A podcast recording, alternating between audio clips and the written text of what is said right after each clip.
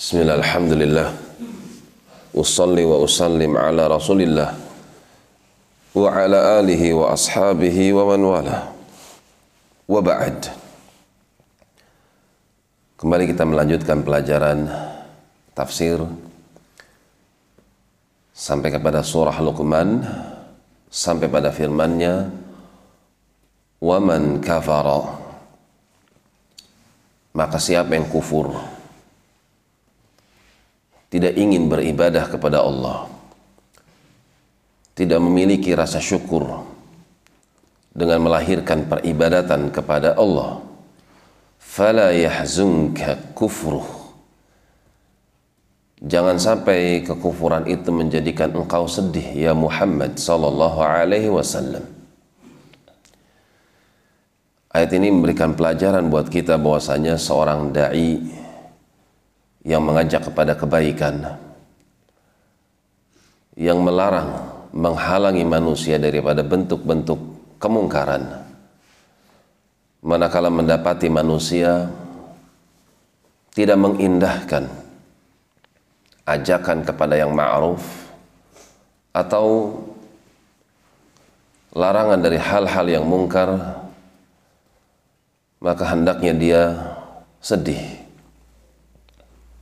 karena ayat ini konteksnya Nabi Shallallahu Alaihi Wasallam sedih ketika melihat manusia kufur. Tidak sebaliknya, kita membencinya, kita menjauhinya, salah. Lagi keliru.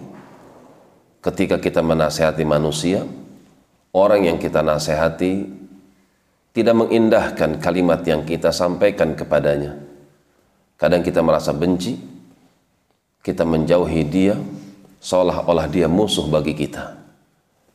Maka itu adalah sikap yang amat keliru.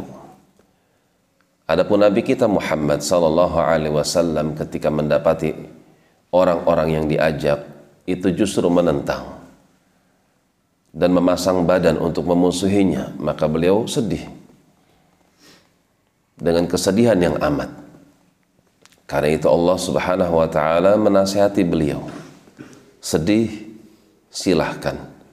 Akan tapi jangan sampai kesedihan tersebut menjadikan dirinya sesuatu yang menjadikan lemah.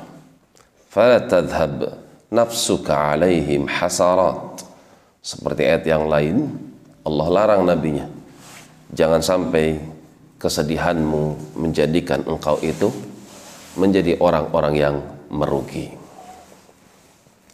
Maka ayat ini memberikan pelajaran buat kita orang yang mengajak kepada kebaikan dia harus bernafas panjang. Dia harus sabar.